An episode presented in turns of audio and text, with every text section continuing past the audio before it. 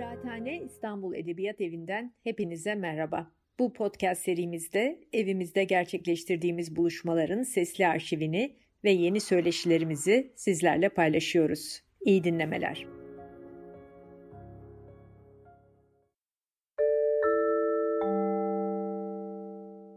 Merhaba, iyi akşamlar herkese. Ee, bu tarz toplantılarda e, bizleri görmeyen bizi, bizi biz göremiyoruz ama sizler bizi görüyorsunuz. Hep aklıma Ömer Madra geliyor açık radyoda. Merhaba herkes, merhaba kainat diyor. Ben hiç anlamıyordum ne demek istiyor. Aslında bu to, webinarlara katıla katıla aslında Ö Ömer Madra'yı da daha iyi anlar hale geldim. Bu akşam Hülya Adak'la birlikteyiz. Sabancı Üniversitesi öğretim üyesi ve konumuz e, Halide Edip Adıvar'ın e, kanonik bir yazar aslında. Yani normalde biz bu e, toplantıları e, Seval Şahin, Yasemin Çongar'la birlikte kurguladık ve amacımız edebiyat tarihinde e, az bilinen, hatta bazen hiç bilinmeyen, hiç fark edilmemiş yazar ya da metinlere yoğunlaşmaktı.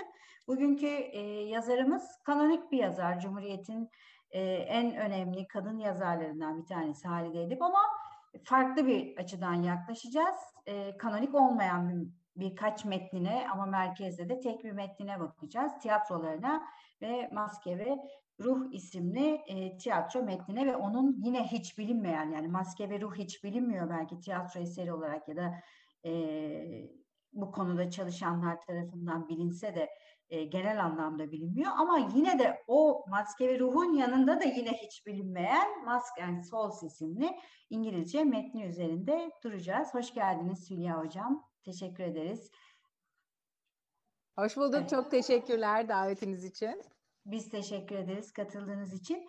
Ee, şimdi Halide Edip ilginç bir yazar. Hani ben bu akşam bilinen özelliklerinden ziyade daha az bilinen özellikleri üzerinde durarak biraz e, konuşmayı başlatmak istiyorum.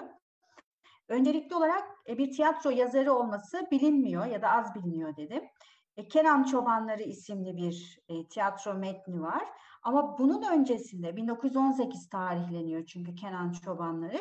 Ama bunun öncesinde de 1913 tarihli kendi tiyat e, romanı olan Yeni Turan'dan oyunlaştırdığı bir oyunu daha var. Evet, maalesef bu oyunlar elimizde yok. Yine e, İpek Çalışlar'ın e, o çok önemli hatta yeni baskısı yapan e, Halide kitabından da öğrendiğimize göre göre bir de Kösem Sultan isimli yine bir tiyatro metni var ama maalesef bu metinler bugün elimizde değil. Özellikle Kösem Sultan'ın akıbetinin 31 Mart vakası sırasında e, kaybolduğunu, e, yok edildiğini biliyoruz. Yeni Turan oyunu çerçevesinde de bakarsak yine e, Halide Edip'in hayat hikayesine bunu özellikle de Nedim Saban da belirtiyor. E, Halide Edip sahneye çıkmış olan ilk Müslüman kadınlardan belki de ilki olarak da işaretleniyor e, tiyatro tarihimiz açısından.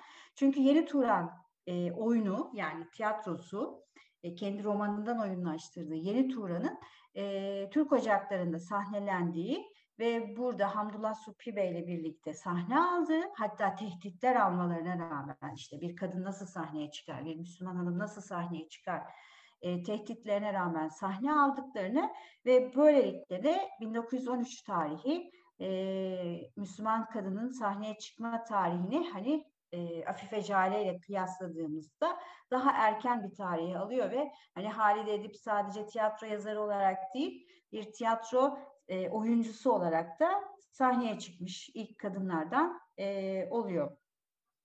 Sizle bu akşam şimdi hem tiyatroculuğu, hem tiyatro yazarlığı, hem maske ve ruhun e, sizin de iddia ettiğiniz gibi absürt özellikleri, e, absürt tiyatronun daha Türkiye'de özel, hiç, daha doğrusu dünyada hiç hani böyle bir absürt tiyatro tanımı yapılmadan e, Halide Edip'in böyle bir dil, böyle bir kurgu kullanması ve tabii ki e, bu Halide Edip'in çift dillilik açısından da yaklaştığımızda e, bir de Maske ve Ruh'un Masken Souls isimli bir başka versiyonunun olması üzerinden e, konuşacağız. E, buyurun. Çok çok teşekkür ediyorum bu güzel e, girizgah için. E, Halde hakikaten çok bilinmeyen bence yazarlarımızdan bir tanesi. E, İpek Çalışlar çok güzel bir biyografi yazdı. E, hep birlikte Didem Ardalı Büyükarman'ın da e, bu konuya çok ciddi katkıları var. Ama e, halde unutmamamız gerekiyor ki e, 80 yıl boyunca hakikaten durmadan eser vermiş e, iki dilli yani hem orijinal olarak İngilizce yazan hem Türkçe yazan yazarlarımızdan bir tanesi ve ne yazık ki yeteri kadar çalışılmamış yazarlarımızdan bir tanesi. E, ben de e, akademik kariyerimin önemli bir kısmını onun eserlerine harcamış olsam da e, hala yapacak ne kadar çok şey olduğunu keşfediyorum. E, biraz da yoruldum açıkçası. Dolayısıyla şu anda e, halde e, edip e, aramdayım. Yani bir teneffüs, bir ara, bir şey verdim. Evet Çünkü araya gireceğim. Kadar... Kusura bakmayın. Sizin tabii kitabınız var. Onu söylemedim. Halide Edip ve Siyasal Şiddet ismiyle evet. İstanbul evet, Bilgi evet. Üniversitesi yayınlarından çıktı. Evet. Zaten evet. bu kitapta şimdiye kadarki Halide Edip hani e, bibliografyasına çok farklı bir açıdan yaklaşan, hani farklı bir bakış açısıyla sorulmamış, cesur soruları sorarak ilerleyen bir kitap. Onun içinde hani ee, çok güzel bir çalışma. Tebrik ediyorum. Çok teşekkür ederim. Onun şimdi Almancası çıkacak ama Aa, aslında e, işte e, bu yorgunluğum geçtiği zaman e, bu el atamadığım bazı eserleriyle evet. birlikte hani daha kapsamlı bir hani İngilizce e, eser yayınlamak istiyorum. E, bu bibliografya konusunda da bir kişinin ismini özellikle vermek isterim. İnci Engün'ün. Evet. E, internet öncesi yani bütün evet. bu Google'lar vesaire dijitalleşme öncesi Hindistan'dan İngiltere'ye, Amerika'ya bütün halide arşivini tek tek ortaya çıkaran çok önemli bir çalışması var çalışmayının hani metin e, kısmını belki işte okursunuz, beğenirsiniz, beğenmezsiniz. O tabii ki tartışmaya açık. Bence o oralar da çok güçlü. Ama bibliografya baş döndürücü. Evet. Bunu söylemek zorundayım. Hepimizden onlarca yıl önce e, bunu tamamladığı için ve hala kim Halide üzerine yazmış, işte hangi coğrafyada yazmış, hangi dilde yazmış hala ona referans vererek pek çok eseri bulabildiğimiz için de İnce Engün'ün ismini burada çok anmak isterim. E, Halide Edip'in e, sizin söylediğiniz gibi gerçekten bilinmedik yanlarından biri de bu e, tiyatroculuğu. E, tiyatro yazarı, oyun yazarı demek için e, kaç oyun yazmak gerekir sorusu tabii hep bizimle kalacak. E, evet. Çok da fazla oyunu yok sizin de söylediğiniz gibi. Ama olanlar çok e, ufuk açıcı ve çok e, belli türler içinde özellikle bu absürt tiyatro içinde oldukça öncü bir yerde ve benim de zaten e, Türkçe sizin e, bahsettiğiniz kitapta ve daha sonraki makalelerimde söylemeye çalıştığım aslında e, absürt tiyatro geleneğinin yeniden yazılması gerekiyor ve İngilizce yazılan bu oyunun şimdi Beckett'larla, Ionesco'larla birlikte yeniden değerlendirilmesi ve dolayısıyla 1950'ler absürt tiyatro tarihinin aslında bir kadın yazarı dahil ederek e, ve Türkiye'li bir kadın yazarı dahil ederek Avrupa merkezli tamamen erkek egemen kanondan e, bir kere arındırılması gerekiyor. Evet. E, dolayısıyla yani bunu da bazı makalelerde yazdım size de gönderirim mutlaka ama e, aslında temel e, bugün de söyleyeceğim şey o absürt tiyatro tarihi e, Avrupa dışı sesleri işte erkek olmayan bir takım işte kadın, queer vesaire yazarları dışlayarak yazılmış ve çok erken dönemde aslında teorize edilmiş bir e, kavram, bir tür. Martin Essin'in 1960'da yazdığı bir eserle aslında ortaya çıkıyor. Yani bir e, tiyatro e, kanon oluşturma eseri bu. Yani kendisi de zaten çok önemli bir tiyatro araştırmacısı.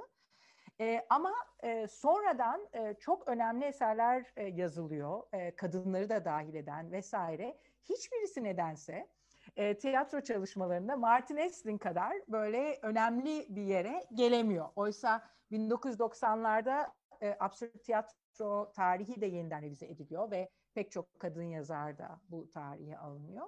Ama ne yazık ki Martin Eslin'e hep referanslar veriliyor ve orada işte bir e, büyük teori budur e, şeysi evet.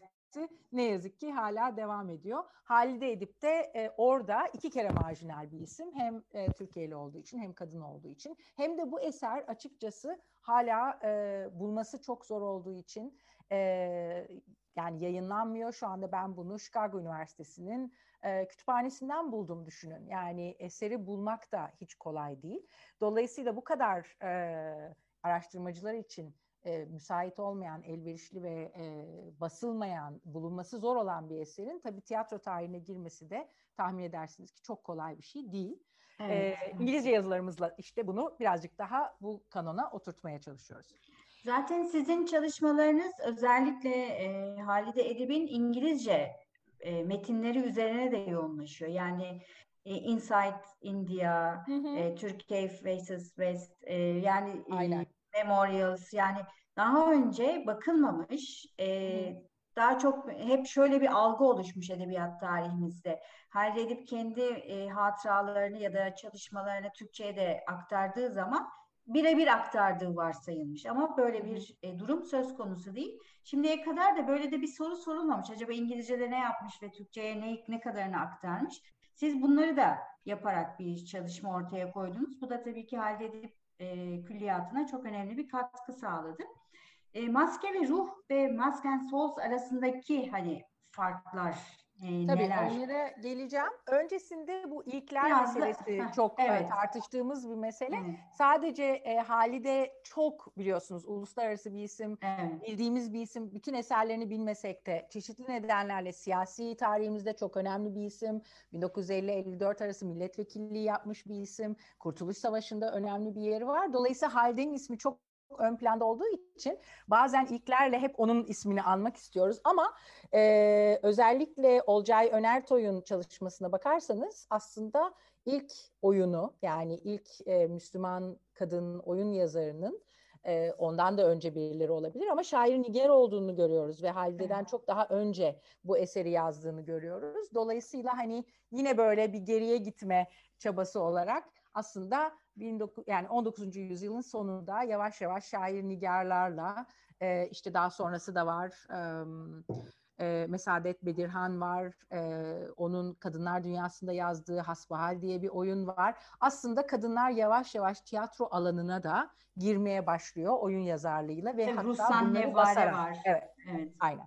Aynen. Onu da söyleyeyim yani Halide aslında e, çok meşhur olduğu için hep böyle bu ilkleri atfettiğimiz isim ama e, onu yaparken daha önceki bazı önemli kadın yazarlarına da haksızlık ediyoruz. O yüzden onların isimlerini almak istedim. E, Kenan Çobanlarından bahsettiniz. E, önemli bir oyun aslında ama yine çok az çalışılmış bir oyun. Birinci Dünya Savaşı sırasında e, ilk olarak sahneleniyor e, Türk Ocağı'nda sahneleniyor 31 Mart 1916'da. Sonra da e, Halide'nin uzun bir e, Suriye macerası var evet. e, bildiğiniz. E, oradaki eğitim faaliyetleri esnasında 13 kere e, Suriye'de sergileniyor ve böyle e, müthiş heyecanla e, oyuna gidiyor e, oradaki seyirciler. Dolayısıyla o dönem için popüler, önemli oyunlardan bir tanesi. Vadi Sabra diye yine evet. e, Beyrut kökenli çok önemli bir um, e, müzisyenle çalışıyor, bir besteciyle çalışıyor ve e, onun librettosuyla zaten oynanıyor e, Suriye'de. Daha sonra da savaş sonrası geri döndüğünde de bir performansın Robert Kolej'de olduğunu Evet, hatta Muhsin Ertuğrul yardımcı. Evet, Cemal Paşa'nın da e, isteğiyle. Dolayısıyla yani savaş sonrası da bu gelenek, bu popülerlik devam ediyor. E, sonra e, maske ve ruha geldiğimizde ilk benim bulduğum kadarıyla maske ve ruhtan e, Inside India adlı sizin de demin bahsettiğiniz e, Hindistan üzerine yazdığı ve kendi Hindistan yolculuğunu detaylı anlattığı ve Hindistan'ın 30'lardaki e, Gandhi ile birlikte sivil itaatsizlik ve siyasi mücadelesini yani e, sömürgecilikten kurtulabilmek adına e, geçirdiği müthiş dönüşümü anlattığı bir kitap var. İngilizce olarak yayınlanmış. Türkçesi de maalesef çok e, kıs, e, kısalttığı evet. ve e, pek çok siyasi detayı da e, anlatmadığı bir versiyon Hindistan'a dair. Onun da ön sözünü yazdım ben ama orada özellikle şeyi söylemeye çalıştım. Inside India'nın e, birebir bir Türkçe versiyonuna ihtiyacımız var. Umarım e, çevirmenler e, belki bu esere daha dikkatlice bakıp e, bunu Türkçe'ye kazandırırlar. E, orada geçiyor ve orada e, şöyle bir şeyden bahsediyor. 1935'te Gandhi ile bir sohbet Mahatma Gandhi ile bir sohbeti var e, ve diyor ki ben böyle bir eser yazıyorum. Adı işte Maske ve Ruhlar. E, ve e, dünyanın tamamen makineleştiğini görüyorum, mekanikleştiğini görüyorum. Doğu Batı arasında pek bir ayrım olmadığını düşünüyorum. Ve e, hani mümkünse böyle ruh denen bir şeyi kurtarmak istiyorum. Yani insani bir şey, ruh, işte e, ruhani bir şey vesaire. Ve bunu kurtaramadığımız takdirde tamamen çok katastrofik, e, katastrofik distopik bir sonla e, bütün mücadelelerin son bulacağını düşünüyorum diye bir şey söylüyor Gandhi'ye. Ve Gandhi de diyor ki biz daha oralarda değiliz. Hindistan'da hala ben hani e, birliktelikle, dayanışmayla, tam işte senin kaybettiğini düşündüğümüz o ruhla çok önemli bir hareketin içinde olduğumu düşünüyorum. Ama onu kaybedersek bence de bütün mücadeleyi kaybedeceğiz diyor. Dolayısıyla düşünün yani Gandhi ile yaptığı bir sohbette bile 1935'te bu oyuna referans veriyor. Evet. Oradan anlıyoruz ki hani hakikaten bu şey meselesini çok düşünüyor. Tabii bize şu anda çok ikircikli geliyor bu işte doğular batılar böyle bir şey mi var? Batının ruhu doğunun işte mekanikleşmesi vesaire ama orada hakikaten böyle bir takım hani siyasi çözümler ne olabilir Türkiye içinde, bütün dünya içinde, Avrupa içinde, Hindistan içinde bundan sonrası nasıl görünüyor olabilir? Eğer bir e, mücadele olacaksa sömürgecilik karşısında veya Avrupa'da mesela e, süre gelen faşizm karşısında bu mücadele nasıl örgütlenebilir? Yani hakikaten çok derin düşünceler var arkasında. Ama ilk çıktığında bu Türkçe versiyonu e, fantezi oyun dediği böyle evet. işte e, sürreal bir oyun görüyoruz. Ve benim anladığım kadarıyla 30'larda Türkiye'de basıldığında zaten kendisi Türkiye'de değil bu arada. 37'de tefrika ediliyor. Tefrika edildiğinde kendisi Türkiye'de yaşamıyor. E, sürgünde Paris'te yaşıyor. Adnan'la birlikte, Doktor Adnan'la birlikte. E, benim gördüğüm kadarıyla oyun zaten anlaşılamıyor. Halide'nin imajı da biliyorsunuz çok çok evet, olumlu evet. değil. E, öyle de olduğu için çok büyük bir okuyucu kitlesine sahip olmuyor. Aa ne şeker kadınlarımız işte böyle fantezi oyunlar yazıyor tadında. Ee, böyle hani takdir görüyor böyle e, şey oyuncak gibi hani işte kadınlar da oyun yazar. Ne güzel gibilerden. Ama kimse derinlikli görebildiğim kadarıyla belki yeni araştırmacılar bulur bunu. Çok derinlikli bir analizini yapmıyor oyunu. Sonra bir tekrar kitap versiyonu basılıyor bunun tefrikadan sonra. Ve en sonda bu bugün bahsetmek istediğim çünkü hiç kimsenin elinde yok bu metin. 1953'te bir İngilizce versiyonu basılıyor. Ee, adı Masks or Souls bu metnin. Şimdi Masks or Souls Türkçe versiyonlarından tamamen farklı. Dolayısıyla ben de yazdığım makalelerde, kitapta da hani bunun ayrı bir eser olarak aslında incelenmesi gerektiğini söylüyorum. Hiçbir şekilde hani aa işte Halide de bir Türkçe yazıyor, bir İngilizce yazıyor. Nasıl olsa aynı şeylerden bahsediyor yapıyor diye görülmemesi gerektiğini e, söylüyorum. Bir kere İkinci Dünya Savaşı deneyimini geçirmiş bir yazar olarak yazıyor. İkincisi iki eser ya da üç eser arasında George Orwell'ı okumuş bir yazar olarak hmm. yazıyor. Yani Hayvan Çiftliği ve 1984 e, tam o aralıkta basılıyor. E, dolayısıyla bütün o deneyimle yazılmış bir eser ve o dönemin Huxley'lerine, Orwell'lerine vesaire çok da e, benzeyen, çok da ilham aldığını e, aslında motiflerden görebiliyoruz. Ama benim söylemeye çalıştığım bütün bu e, ilham almalara rağmen e, absürt tiyatro geleneği içinde çok öncü. Çünkü e, Beckett'e bakarsanız e, Godot'u bekle, beklerken 1953'ün ocağında ilk Paris premierini yapıyor. Ve 1953'te Halide bu eseri basmış bile. Evet. Yani ne demek? Bitirdiği tarih 1952 mesela. Ee, Ionesco'ya bakarsanız en önemli eserlerinden Gergedanlaşma 1959'da çıkıyor. Dolayısıyla yine bu eserden sonra. Yani bir tür içinde öncü bir örnekten bahsediyoruz. O nedenle de çok önemsenmesi gerekiyor evet. bence. Tabii ki hepsi, bütün bu yazarlar daha önceki sürrealistlerden, Dada'dan, e, modernizmden, Kafka'dan, Joyce'dan hepsi beslenmiş yazarlar. Yani ilham alma dediğimiz şey kopyalama veya bir intihal meselesi değil. Sadece onların okunduğunu ve farklı versiyonların sahnelenme biçimlerini hani görüyoruz burada. E, o yüzden de e, hakikaten birkaç versiyonu çok farklı ve çok derinleşmiş, çok başka konulara el atmış bir çok sofistike bir oyun yazarı görüyoruz burada. Evet. Sonra da bunu devam ettirmiyor. Onu da söyleyeyim. Yani bu ilk ve son halde için. O yüzden de belki hani onu oyun yazarı demek ya da işte absürt tiyatro geleneğinde Halide'ye çok fazla referans vermek belki kolay değil. Çünkü Beckett'a bakıyorsunuz kaç oyunu var, Ionesco'ya bakıyorsunuz öyle, Adamov öyle. Yani çok yazan bir takım oyun yazarlarının yanında bu bir böyle büyük eserle çıkıyor ve orada bitiyor. Ama şunu söyleyebiliriz ki tiyatro yazarının e, motivasyonu oyununun oynanması. E, Halide Edip'in böyle bir şansı özellikle Maske ve Ruh, Mask and Souls için e, mümkün olmuyor. E, biraz da bizim edebiyat tarihimizde böyle bu tarz öncü ve e, hani önemli yazarların türde e, denemeler yapmasını çok görüyoruz. Yani hı hı. hem Namık Kemal için aynı şeyi söyleyebiliriz. Şinasi için e, farklı hani türlerde kendi düşüncesini e, çeşitli hani alanlarda daha yaygınlaştırabilmek için böyle bir e, tür arayışları ya da türsel geçişler yapıyor. Ben bir edebiyat tarihçi olarak şunu da söylemek istiyorum. Halide Edip'in e, absürt tiyatrodaki öncülüğünün yanı sıra aslında e, metnin şöyle de bir tarihsel Türk Edebiyatı'nda e, dayandığı bir metin olduğunu iddia ediyorum. O da Hamit, Abdülhak Hamit. Onun Tayflar Geçidi isimli mesela hani çok ilginç bir çalışması, eseri var. Ruhlar hani geçidi 1917 tarihli.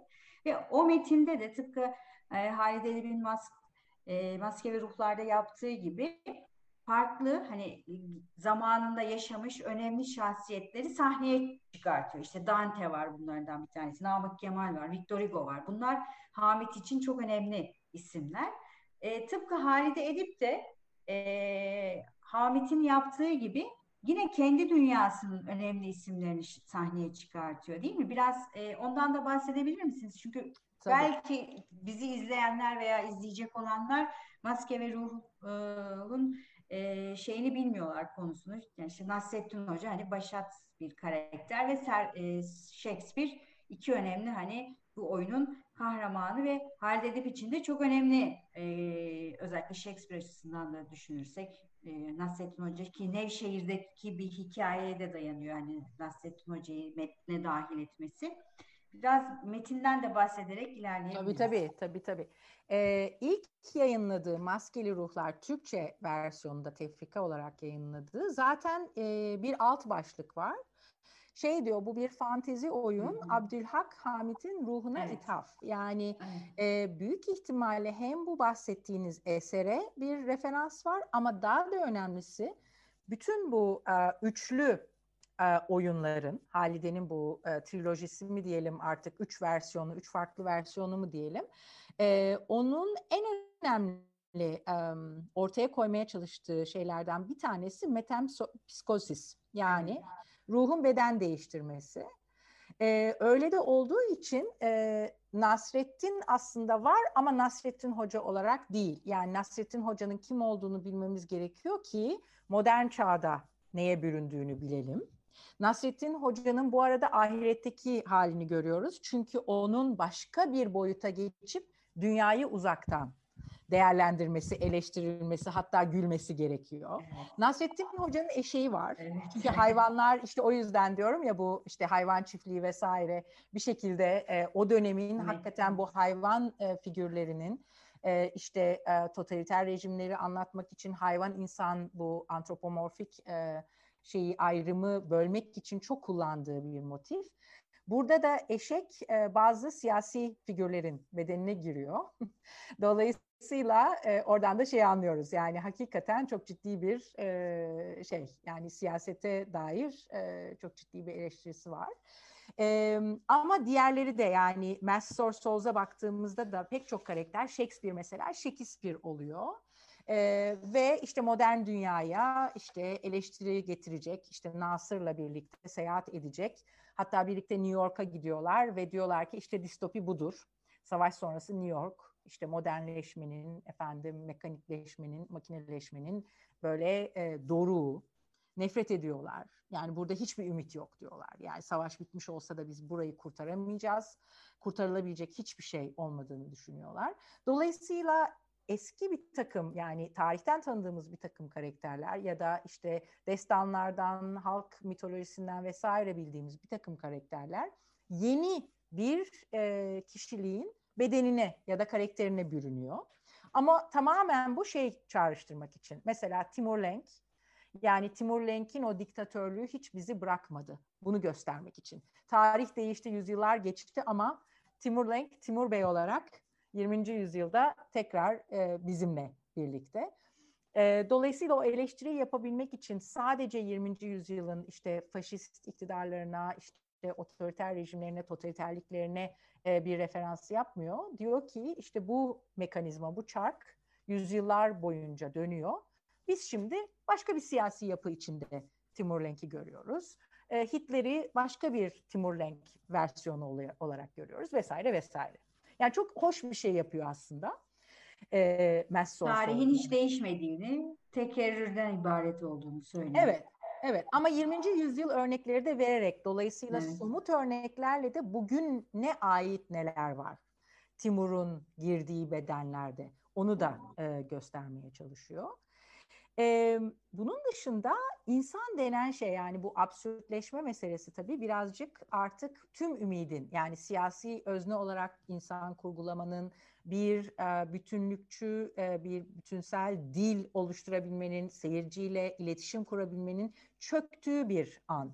Yani sahnede bu çöküşü sahneliyor, absürt tiyatrocular vesaire. E, burada da şöyle bir şey görüyoruz. E, başta ve sonda e, insan denen bir şey yok önümüzde. Robotlar hakim. Ve işte o korktuğu, o distopik makineleşmeyi bütün karakterlerin robot olduğu sahnelerle anlatıyor.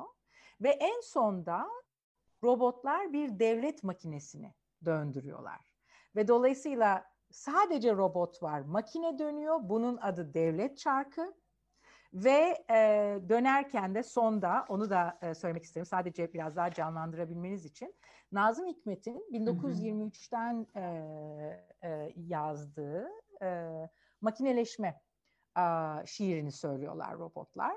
Ki bu da yani şu, o ana kadar Nazım Hikmet'e büyük saygısı olan Halide Edip için ciddi bir Nazım Hikmet eleştirisi. Çünkü büyük ihtimalle fütürist bir manifesto olarak 23'lerde komünist sanayileşmeyi yazmış Nazım Hikmet'e burada çok ağır bir eleştiri var. Robotlar e, şöyle bitiriyor oyunu. Trim trim trak, trak tiki tak, makinelaşmak istiyorum. Beynimden, etimden, iskeletimden geliyor bu. Her dinamoyu altıma almak için çıldırıyorum. Tükrüklü dilim bakır telleri yalıyor, damarlarımda kovalıyor, otodirezinler lokomotifleri. Trum trum trak, trak tiki tak makineleşmek istiyorum. Mutlaka buna bir çare bulacağım ve ben ancak bahtiyar olacağım. Karnıma bir türbin oturtup kuyruğuma çift uskuru taktığım gün tırım tırım trak, trak tiki tak makinelaşmak istiyorum. Ve böyle bitiyor oyun. Evet. Dolayısıyla burada yeni bir Nazım Hikmet e, okuması da var aslında. Ee, ama çok ümitsiz robotların elinde ve böyle bir kendi kendine dönen aslında yani makine makineyi döndürüyor. Öyle bir şey ve adına devlet diyoruz. Böyle bir yerde bitiyor oyun. Görsel efektleri de oldukça e, güçlü. E, o yüzden çok ümitsiz, e, sağ sol hiçbir çözüm bula, bulamadığı, ırkçılığı eleştirdiği, nazizmi, stalinizmi, Avrupa faşizmini, tek adam rejimlerini eleştirdiği e, çok ağır eleştirel bir um, oyun koyuyor önümüze. E, bu birkaç nedenle Türkiye'de e, bence sahnelenmiyor. Bir tanesi dediğim gibi yani İngilizce metin hiçbir zaman bize ulaşmıyor ama bütün halide külliyatında yapıldığı gibi eleştirmenler hep e maskeli ruhlar zaten var. Ben niye Master Souls'la uğraşayım evet. da yapmış olabilir. Çünkü bütün eserleri böyle görüldüğü için aslında evet. orijinalleri tercüme edilmiyor. Mesela şöyle de acıklı bir e, e, olayı söyleyeyim. Mor Salkımlı Evde Memoirs'ın evet. birebir tercümesi değil. Bolca bölüm aslında çıkarılmış durumda, sansürlenmiş durumda Halide tarafından ve editörleri tarafından. Dolayısıyla orijinal metnine yine sahip değiliz. E, bu Türk'ün Ateşli İmtihanı ikinci cildi otobiyografisi. Aynı şekilde tamamen e, e, eksik bir şekilde bize e, ulaştırılmış durumda.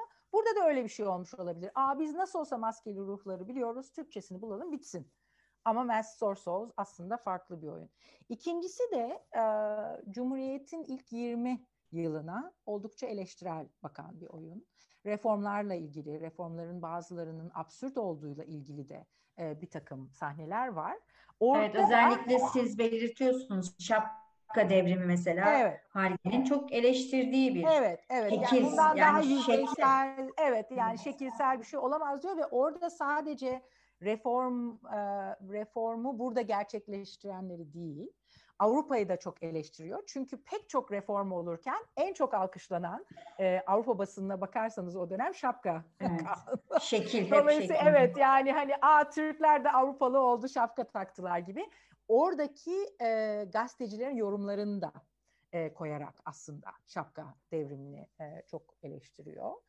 E, ama e, tabii 30'lardaki hani e, güneş dil teorisi, evet. Türk tarihi bu eserde oldukça absürt bir şekilde e, sahnelendiği için e, yani bu reformların hala arkasında olan ya da bu tezleri hala e, o dönemle ve e, çok sorgulamadan kabullenen okuyucular için e, algılaması, incelemesi zor olmuş olabilir diyeceğim. Zorlanabilirler diyeceğim. Evet.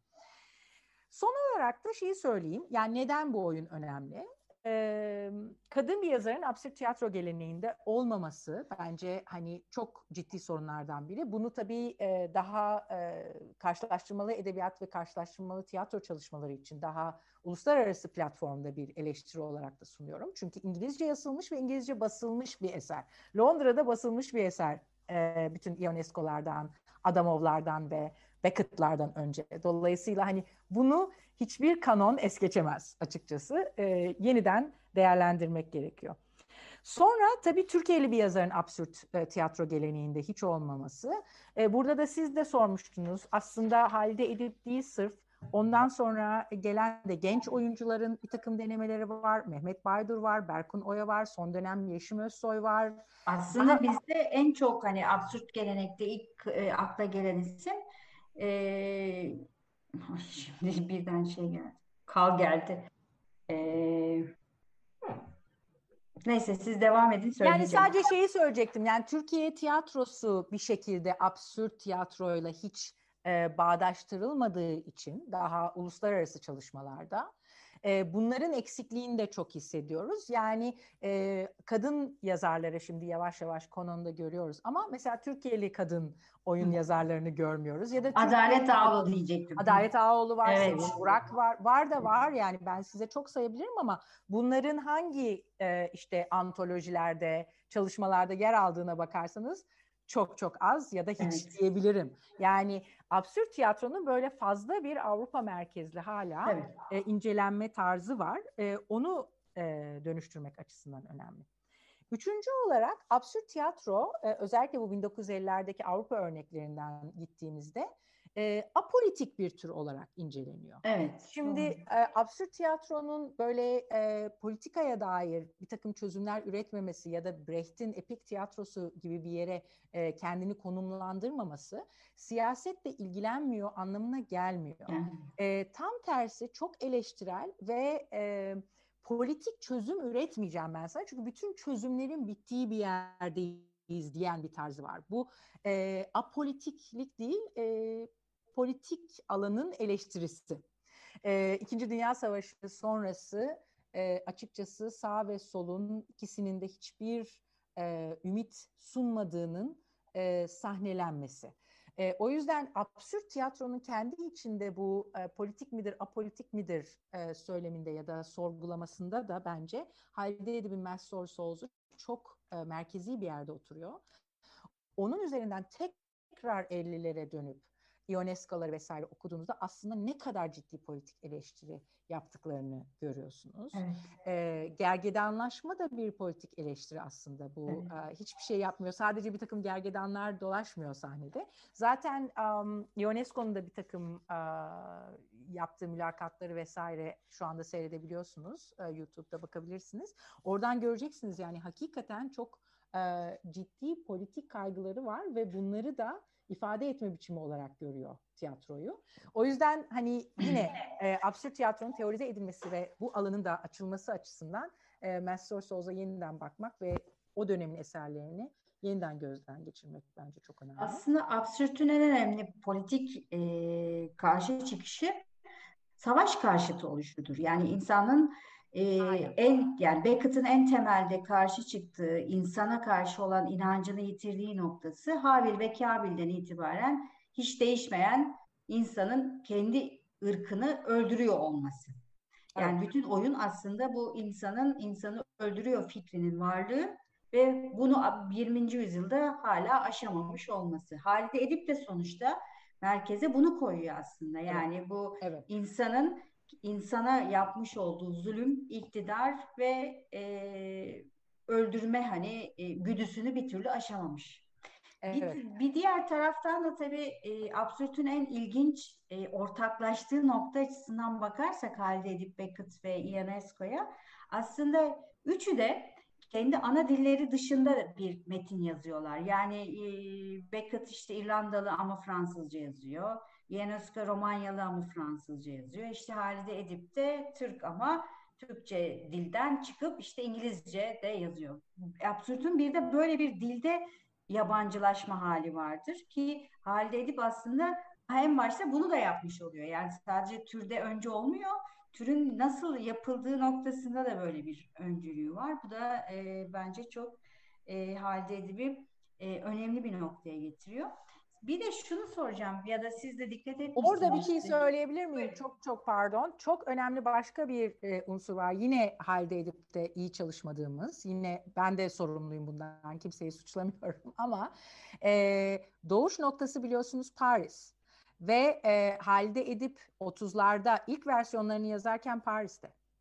Bunu da unutmayalım. Yani bütün bu yazarlarla o dönemin sergileri, o dönemin tartışmalarıyla iç içe ve onun Paris yıllarının e, arşivini biraz daha çıkarabilirsek aslında hem absürt tiyatroya dair hem de e, sürgündeki bütün bu yazarlara dair yepyeni bir tarih yazabiliriz açıkçası. Evet. E, onu da unutmamak lazım. E, bir şey daha söyleyecektim çalışmadığımız, önemli olabilecek. E, genelde bütün bu çalışmalar çok e, tür üzerinden e, yapılıyor. Oysa burada avantgardla absürt tiyatro, roman türüyle e, tiyatro arasında çok önemli geçişler var. Mesela bir e, Tanpınar'la halde edip mutlaka birlikte çalışılmalı. Bunu daha önce de e, çeşitli panellerde başka arkadaşlarla birlikte söyledik. Hatta e, İstanbul Üniversitesi'ne geldiklerinde biliyorsunuz 39'dan sonra halde edip birlikte çalışıyorlar e, bu arada. Yani aynı üniversitede çalışan aslında iki akademisyenden bahsediyoruz. Ama e, eserleri arasında da çok önemli e, etkileşimler var. E, onun dışında da e, 20. yüzyılın başında işte Virginia Woolf'lara, Joyce'lara bakmak, um, Halide Edip'in hem romanlarını hem de bu oyunu değerlendirmemiz açısından bence çok önemli olacaktır. Türler arası düşünmeyi de gerektiren bir eser bence. Evet. E, ben de şunu e, söylemek söyleyecektim biraz önce. Şimdi Halide Edip'in bu maskeli ruhlar e, eserinde isimde de bir karışıklık oluyor. Bazı mesela çalışmalarda maskeli ruh diye geçiyor. Bazen maskeli ruh diye geçiyor. O ikisi ee, farklı. Işte. Evet.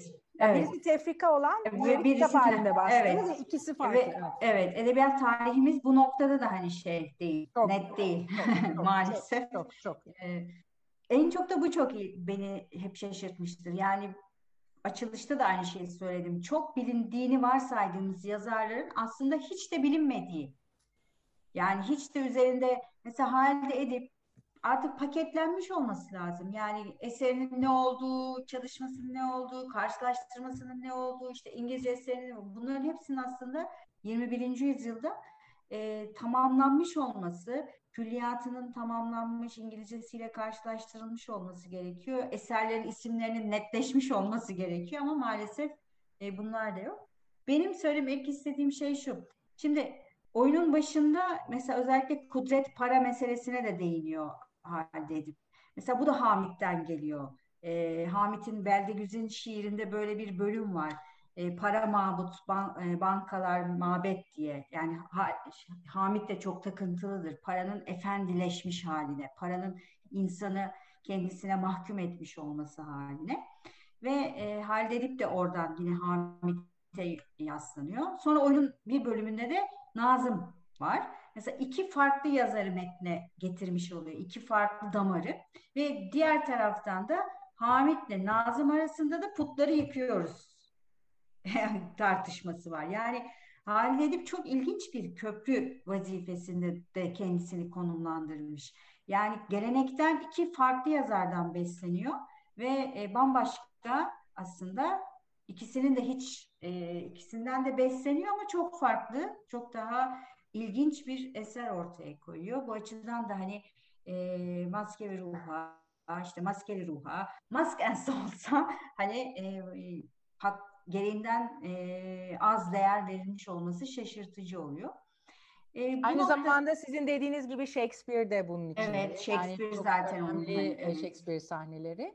E, ve Nasrettin Hoca da tabii bunun içinde, farklı evet. bir biçimde. Ama ikisinin birbirine konuşmaları da çok hoş. Onu da söyleyeyim. Yani e, çok böyle halka ait aslında yazar veya işte efsanevi e, karakterler evet. Dolayısıyla ikisinin konuşmasından çok enteresan diyaloglar çıkıyor. Fakat bu son versiyonda Master Souls'da ikisi de şey diyor yani biz buraya daha dönmeyeceğiz.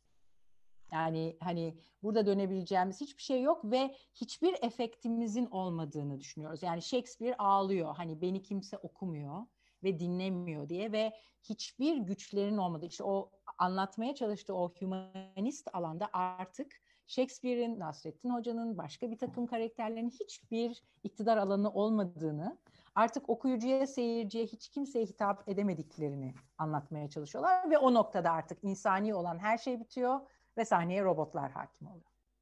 Evet. Yani yazarlığın da, edebiyatın, tiyatronun da bittiği bir an. Yani absürt tiyatronun öyle bir şeysi de vardır. Yani kendi kendini de e, tamamen e, böyle evet. nihilist bir şekilde şeye götürür. Mesela bu um, e, Ionesco'nun sandalyeler oyununda hı hı. hani boş bir e, işte şey vardır, seyirci vardır. Yani sandalyeler vardır sadece. Evet. O biraz UNESCO'nun da kendi oyun yazarlığı ve sahneyle ilişkisiyle ilgilidir. Burada da yani metadramatik bir şey var. Yani hani Shakespeare, Nasrettin Hoca başka herhangi bir yazarın yapabileceği, ulaşabileceği ne dil, ne sahne, ne tiyatro hiçbir şey kalmamış durumda diye biter. O yüzden çok çok sonu e, açıkçası çok karanlık. E, o dönem aslında hani belki de Halide Edip'in kendi yaşamıyla da ilintili. Çünkü Halide Edip'in eserleri verdiği dönem yani hayatıyla paralel gidiyor. Mesela 1937'de ilk tefrika edildiğinde 36'da ya da 35'te ablasının hasta olduğunu biliyoruz. Yani İstanbul'a bir geliyor. Halde Edip aslında hep şey sanılır, sürgün edildi. Aslında sürgün edilmemiştir. Birkaç defa İstanbul'a gelip çıkmıştır. Yani gelip gitmiştir. Ee, o bilin kendi tercihiyle hani Türkiye'de yaşamamayı e, ter, istemiş gibi duruyor ve e, ablasının da hastalığı var. Yani es, ruh hali aslında biraz da eserleriyle eserlerine de yansıyor ve bu e, doğal olarak işte savaş sonrası e, durum, e, kendi hayatındaki olumsuzluklar belki de eserine bu şekilde olumsuz bir e, yansıma olarak da çıkmış olabilir. Evet, yani benim bahsettiğim tarih 1953. Evet. Orada da karamsarlık tabii artık yavaş yavaş kendisi de belli bir yaşı var vesaire. Çok da fazla üretken olduğu bir dönem illaki değil. Ama e, bir yandan da çok mutsuz bir milletvekilliği dönemi var dört yıl boyunca ve zaten bu eseri yayınladıktan bir yıl sonra milletvekilliğini bırakıyor ve e, çok uzunca bir siyasi vedanamesi var. Orada da açıklıyor neden bıraktığını ve neden ümitsiz olduğunu. Yani ben bu oyunu e, onunla da çok paralel okumak gerektiğini düşünüyorum. Siyasi vedanamesiyle evet. birlikte. E, çünkü yapabileceği ve dönüştürebileceği herhangi bir şey olduğunu olduğuna inansa e, politikada da aktif olarak kalmak istediğini söylüyor ama tüm ümidini kestiğini ifade ediyor Vedan. Evet yani bütün kanalları denemiş ve bütün kanalların kapanmış olduğunu görüyoruz maalesef Halide açısından. E, çok tekrar sormak istiyorum. Yani İngilizce versiyonuyla Türkçe e, yazımı arasında en temelde ne farklılık siz e, söyleyebilirsiniz? E, bir kere eserler tamamen farklı. Yani Bu ben kadar şimdi e, evet. E, evet şimdi sadece Mestor Solz'u anlattım. Onu okuyamayacaksınız metin yok diye. Şimdi önceki eserlerde birazcık daha ümit var ve hatta onlara ben işte sürreal, bu fantezi oyun vesaire türlerinin daha uygun olduğunu düşünüyorum. Yani onlara mesela absürt demeyelim bence. Ee, orada Kalopatya diye bir ülke var. Ee, hmm. işte e, robotların, makinelerin hakim olduğu e, Nasrettin Hoca ile Shakespeare oraya gidiyorlar. Bir bakıyorlar filan falan. Ama sonları illaki böyle buradan hiçbir şey olmayacak distopik son değil. Yani biz bu dünyayı belki eserlerimizle yaptıklarımızla e, düşüncelerimizle değiştirebiliriz diye de böyle e, iki şeyde de versiyonda da daha ümide yönelik hı hı. Sonlar var. E, ve Kalapatya tamamen kayboluyor e, Master Souls'da. Çünkü her yer Kalapatya. Yani yeni kurmaca hmm. bir distopik ülke keşfetmeye hiç gerek duymamış. E, İkinci Dünya Savaşı sonrası her yer onun için distopik. Yani öyle bir hale gelmiş. O yüzden eserleri farklı farklı ele alalım diye evet. e, bu fark, e, farkları anlatmaya çalıştım. Hiç benzemiyorlar. Bazı karakterler ama Master Souls'da son versiyonda çıkıyor mutlaka Nasrettin Hoca ile Shakespeare gibi. Neden aynı ismi vermiş acaba? O da ilginç bir soru. Yani farklı bir metinse bambaşka yeni bir isim olarak kurgulamamış. Ee, o da sorulabilir. Bir şey daha söyleyeceğim. Bu beden değiştirme konusu da yine Shakespeare'den aldığı bir konu olabilir değil mi? Özellikle Shakespeare'in bahar dönemi noktasında e, bütün bedenler yer değiştirir tam bir yaz gecesi dönümü rüyasında. E, burada e, büyük bir ihtimal öyle tahmin ediyorum. E, Halide Edip'te böyle bir beden değiştirme e, fikrini ve o orada tabii dünyada olur her şey. Ölüp de gelip olmaz ama böyle bir benzetme kurabilir miyiz? Oradan da Shakespeare bir kaynağı. Olabilir. Çok iyi Shakespeare okuyan sonra da biliyorsunuz tüm külliyatı evet. çeviren e, birisinden bahsediyoruz. Dolayısıyla evet. ayrı bir halde edip Shakespeare çevirileri var. Evet, Yine evet. incelenmesi gereken. Evet. Ve a, yani oradan da kim bilir kaç tez çıkar bu arada.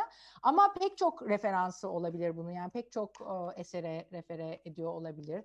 Ovid de olabilir. A, yani son dönem okuduğu işte modernist kaynaklar da olabilir. Yani Kafka olabilir. O kadar çok e, esinlendiği yazar var ki bence hani bir Shakespeare'de hani e, sadece Shakespeare'e atfetmemek lazım diye evet. düşünüyorum. Ama buradaki en önemli kaygılarından birisi şeyi e, yapmak. Yani sürreal bir alana gidip oradan çok uzak bir gözlükle dünyaya bakmak ve geri gelmek. Yani yaptığı şey o metempsikozis dediğimiz şeyde, metempsychosis'te e, olay o. Yani başka bir ruh içinde ve hani geçmişten bir şey taşıyarak ama yeni bir bedende ne oluyor? Onun e, deneyi. Onu da çok hoş şekillerde yapıyor. İşte Nasrettin mesela son örnekte e, bir Londra'da bir e, büyük elçi oluyor Nasır Cebe diye. E, ve Nasrettin Hoca'nın yani Nasır Cebe'nin mesela reformlara bakışına inanamazsınız. Hala çünkü kitapları o e, şey e, Osmanlıca e, kitaplar okuyor ve bunun hani aslında yasaklandığını anlatıyor filan falan. Yani o eleştirel perspektifi koyabilmek için aslında fena bir taktik değil. Evet. Benim takip edebildiğime göre bir tiyatro festivali, İstanbul Tiyatro Festivali'nde Nedim Saban bu oyunu evet, var, evet. Mi? Bunu değil yine İngilizce versiyonunu değil. Değil, evet. Eski versiyonları çünkü orada zaten 20. yüzyılın işte bu faşist e, Avrupa faşizmleri, Türkiye vesaire eleştirileri yok. Daha çok bu ahiret, burası işte ruh ve beden değiştirme hani onunla ilgili kısımlar e, var. O açıdan da çok tabii ilginç. Yani bu fantezi piyes olarak da çok ilginç. Onu Nedim e, yapmış, sahnelemiş. Onun fotoğrafları da var. Evet. Kaydını bulamadım. Yani Nedim de dostum bu arada bunu konuştuk.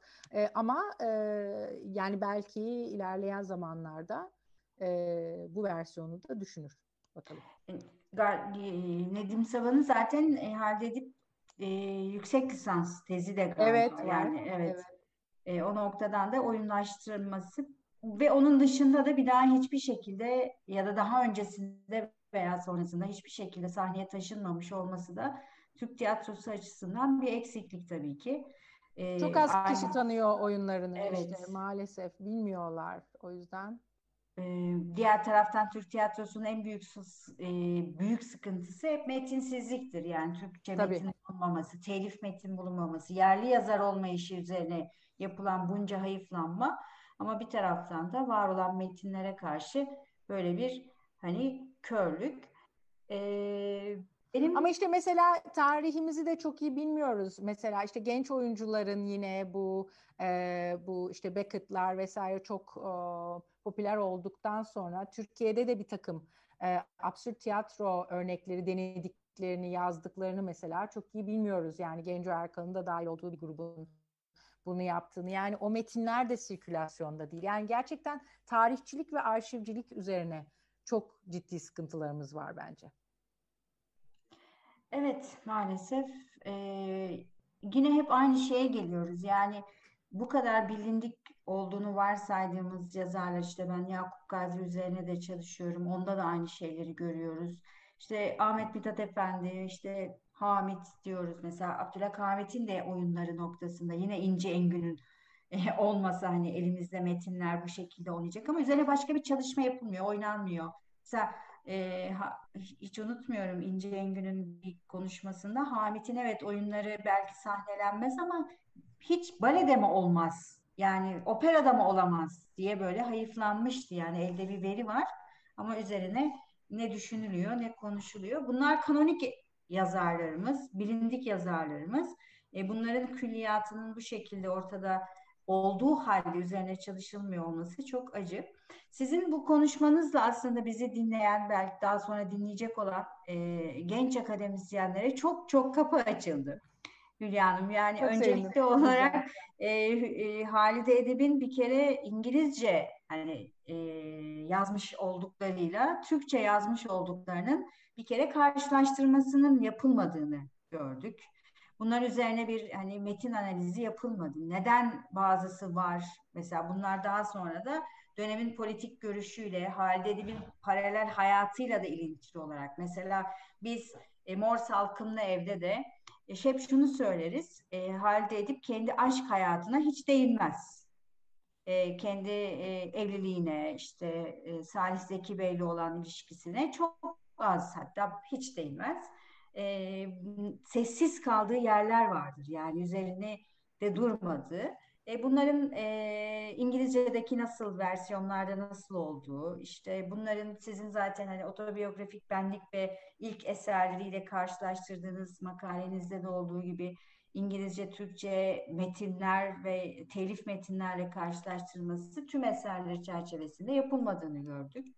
E, İngilizce çevirilerinin yapılmadığını gördük Halide Edip'in özellikle e, politik eserleri ve hatıralarında maalesef e, Halide Edip bile hani az bilinen bir yazar haline birdenbire maalesef, maalesef. dönüşmüş oldu. Maalesef. E, birkaç bir soru var ondan e, gideyim. E, Halide Edip eserleri hakkında daha sonraları röportajlarda veya basında yorum yapmış mı? Bunları biliyor musunuz?